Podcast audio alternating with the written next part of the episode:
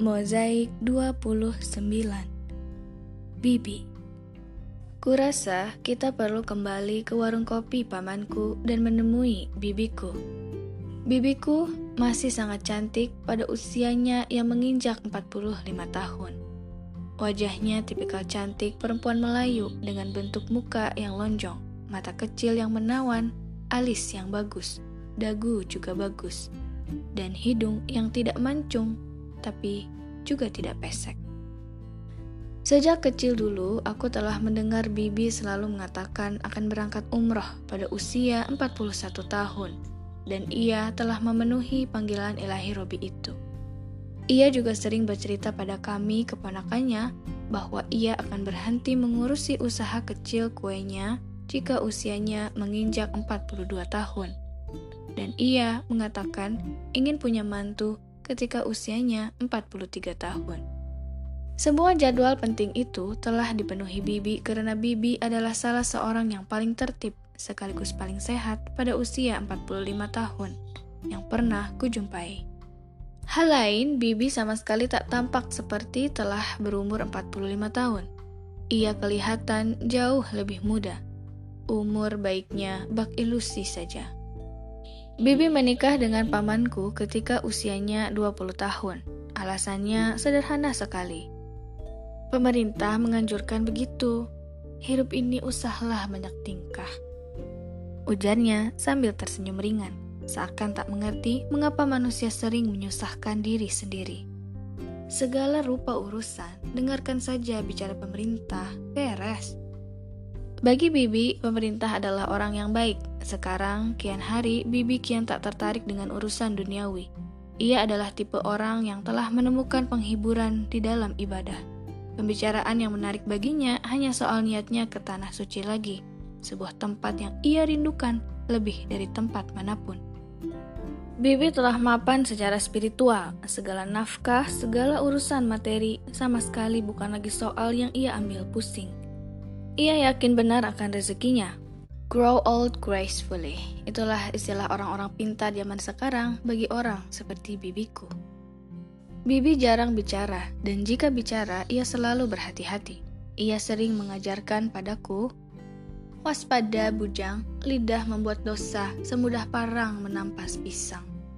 Sesekali Bibi datang ke warung kopi dan tersenyum-senyum saja melihat suaminya petang-tang peteng-teng. Jika ia datang, kami tahu apa yang akan dilakukannya. Ia akan memeriksa cara berpakaian pelayan perempuan dan kadangkala membawakan jilbab baru. Lalu, terdorong oleh naluri kewanitaannya yang tak senang jika melihat sesuatu tidak duduk di tempatnya, ia merapikan ini itu. Setelah itu, ia duduk dan minta diseduhkan teh. Aku selalu mengagumi baju muslimah bibi, sederhana namun menimbulkan perasaan segan. Dengan menikahi pamanku, wanita itu adalah saudara bagiku.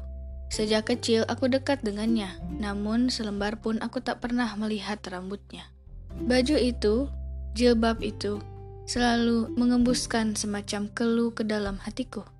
Betapa aku ini masih seorang Islam yang berantakan.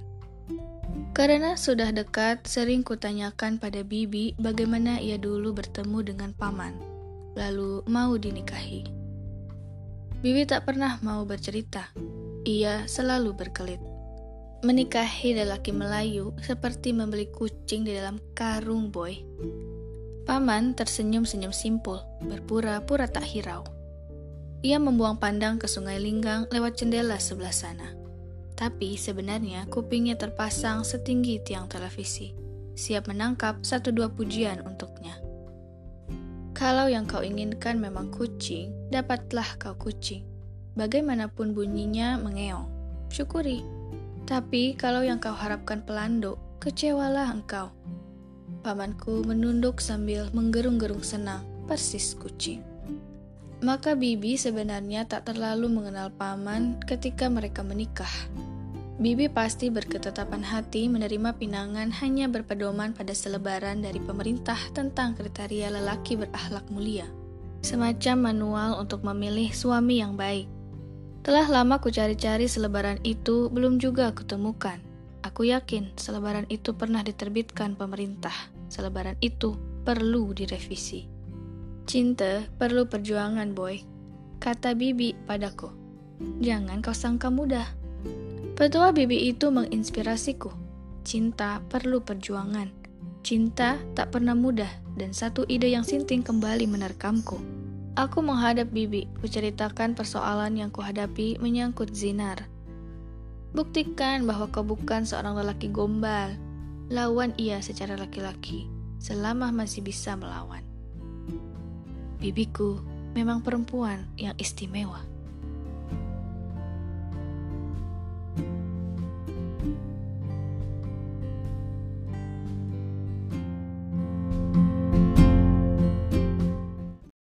Maka segera ku evaluasi situasiku secara sistematis. Kesimpulannya, aku telah kalah main catur melawan Zinar, tapi belum tentu aku kalah dalam hal lain. Catur hanyalah semacam pemanasan dari pertempuran-pertempuran di arena yang sesungguhnya. Wahai lelaki ganteng pemilik toko gula dan tembakau, bersiap-siaplah kau. Kudengar kabar ternyata Zinar adalah olahragawan serba bisa. Ia pemain voli, pingpong, dan sepak bola. Semuanya dipertandingkan pada kejuaraan 17 Agustus. Aku ingin mengikuti semua pertandingan yang diikutinya karena aku ingin melawannya lagi apa pun permainannya, apa pun yang akan terjadi.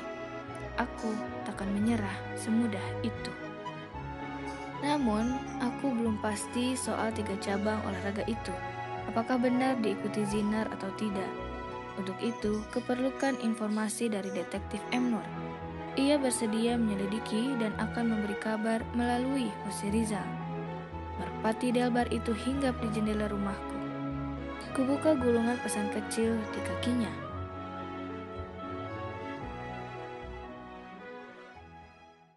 Benar boy, sebenar 9 kali 7, 54. Kutulis balasan, 63 boy.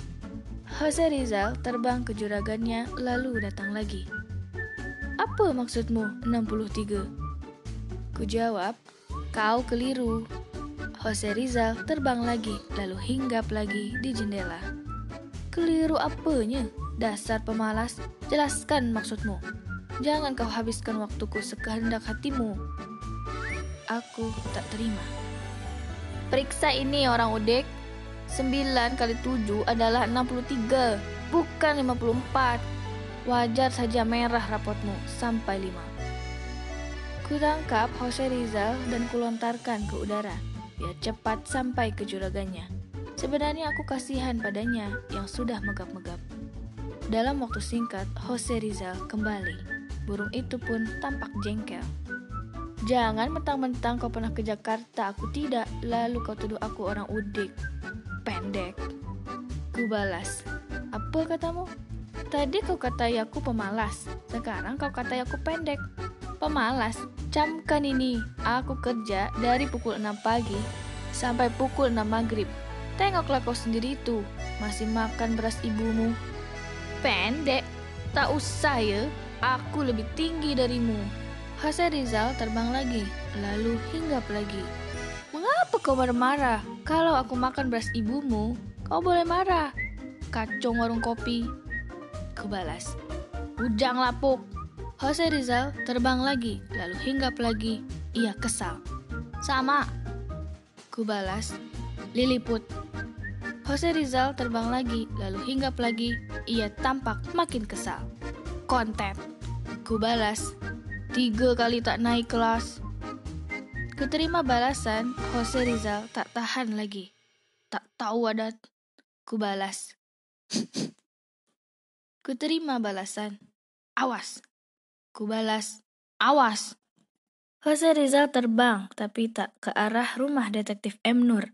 Ia melesat menuju pasar. Mungkin ia tak mau lagi melayani pertengkaran kusir itu. Sesuai rencana, aku menghadapi Zinar pada tiga cabang permainan, voli, pingpong, dan sepak bola, karena ia ikut semuanya. Pagi-pagi sekali esoknya setelah pertengkaran itu, aku dan detektif M. Nur menghadap Bang Sulai, ketua tim voli kampung. Ia mengamati tubuhku dari ujung kaki ke ujung rambut, lalu menyuruhku berdiri di bawah net volley. Katanya ia mau menerimaku jika aku bisa meloncat dengan tanganku dapat menggapai ujung atas net. Sampai muntah-muntah aku berusaha, tak berhasil. Volley kami coret dari daftar. Pingpong adalah harapan keduaku. Apa susahnya main pingpong? Siapa pun yang bisa menggaplok nyamuk di dunia ini, pasti bisa main pingpong. Permainan itu hanya memerlukan empat macam keterampilan, yaitu gaplok, tangkis, melirik dengan cepat, dan menoleh dengan cepat. Sering kusaksikan di televisi kebanyakan pemain pingpong hanya menguasai cara menggaplok dan menangkis. Mereka melupakan dua hal penting lainnya, yaitu melirik dengan cepat dan menoleh dengan cepat tadi. Karena itu, mereka sering kelabakan. Saranku, jika memilih pemain pingpong, sebaiknya mereka dibariskan dan dilihat kemampuan melirik dan menolehnya. Pedomannya adalah matematika murahan saja. Begini, bola pingpong yang di smash pemain RRC meluncur rata-rata dengan kecepatan 150 km per jam. Jangan kejar aku dari mana aku dapatkan angka itu. Oleh karena itu, melalui matematika tingkat cari kantor desa, satu manggis, dua manggis, congklak sana, congklak sini, bola itu akan melesat dalam waktu kurang lebih satu seper lima belas detik dari satu pemain ke pemain lainnya di atas meja pingpong yang panjangnya kurang dari 3 meter. Pelajaran moral dari semua itu adalah barang siapa yang tak punya kecepatan lirik dan kecepatan toleh kurang dari 1 seper 15 detik, mohon tahu diri dan segera mengurungkan niat menjadi pemain pingpong. Karena tak ada harapan untuk mengalahkan pemain RRC. Lebih baik berganti profesi menjadi guru azan di masjid, tukang sembeli hewan kurban, penerbit buku, ajudan bupati, atau penerjemah novel dalam bahasa Inggris. Formulaku itu kunamakan teori lirikan mata. Seorang mahasiswa jurusan matematika mengatakan bahwa ia sangat tertarik untuk menulis skripsi tentang teoriku itu. Aku bertanya kepada ia, mengapa ia mau menulis skripsi tentang itu. Ia menjawab dengan nada suara dan pandangan yang datar. Karena pacar saya hobi nonton Liga Inggris, Bang. Kurasa mahasiswa itu kampungan sekali. Di sisi lain, lantaran aku paham teorinya dan telah kulatihkan, aku sendiri punya kemampuan lirik dan kecepatan toleh yang sangat mengagumkan. Selain itu, Tuhan telah memberiku satu kemampuan lain, yakni aku bisa menoleh sampai 250 derajat. Umat manusia yang normal hanya mampu rata-rata 190 derajat. Di dunia ini, hanya dua orang yang dapat melakukan itu, yaitu aku dan burung hantu. Itulah sebabnya di kalangan remaja masjid dalam hal pingpong aku sangat disegani, baik kawan maupun lawan. Dengan kemenangan yang sepertinya telah berada di dalam kantongku, aku mendaftar pada kejuaraan pingpong. Detektif M. Nur pernah melatih merpati balap ketua panitianya sehingga melalui kong kali kong, aku langsung berhadapan dengan Zinar. Kali ini ia akan menerima balasan atas cinta dan kebanggaan yang secara kurang ajar telah dicurinya dariku. Kukumpulkan sebanyak mungkin kongsi-kongsiku untuk menjadi supporter, mulai dari kawan-kawan SD, mantan anggota remaja masjid yang dulu sering kupermalukan di meja pingpong, dan para tetangga. Tujuannya agar sebanyak mungkin orang menyaksikan kemenanganku yang gilang gemilang. Pada orang-orang di pasar selalu kukatakan agar datang melihat pertandingan itu.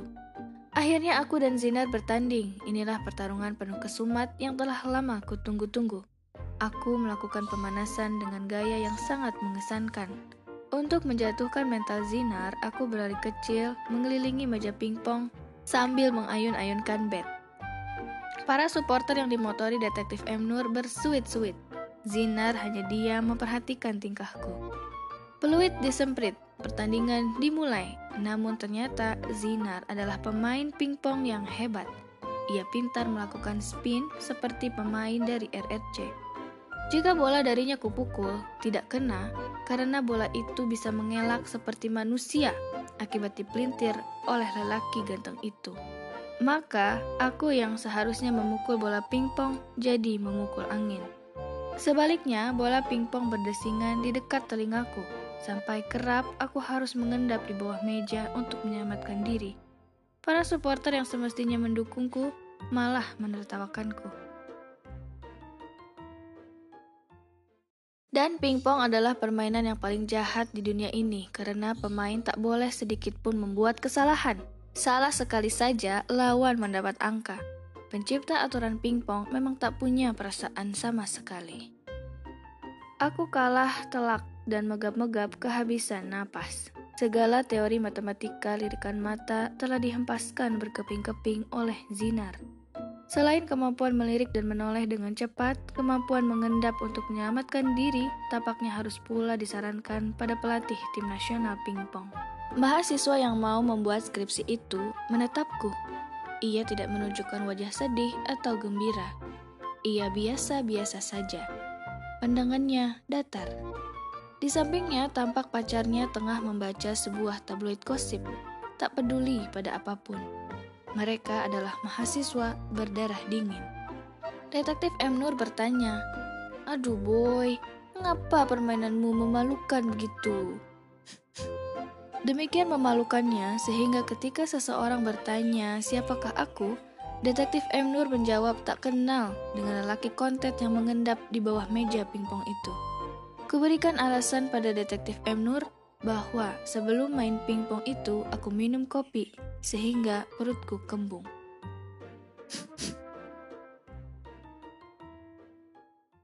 Tinggallah sepak bola harapanku, karena pelatih sepak bola itu uakku.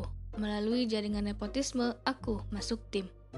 Namun, aku hanya duduk di bangku cadangan. Sampai seluruh pertandingan sepak bola 17 Agustus selesai, aku tak pernah dimainkan. Padahal kostumku sudah mentereng. Yang kulihat hanya Zinar mengambil tendangan bebas dari jarak 30 meter sekuat sepakan center back Belanda asal Groningen, Ronald Koeman. Bola berdentung, penjaga gawang kalang kabut. Para penonton gegap gempita melihat tembakan kanon dari lelaki gagah bertangkai panjang itu.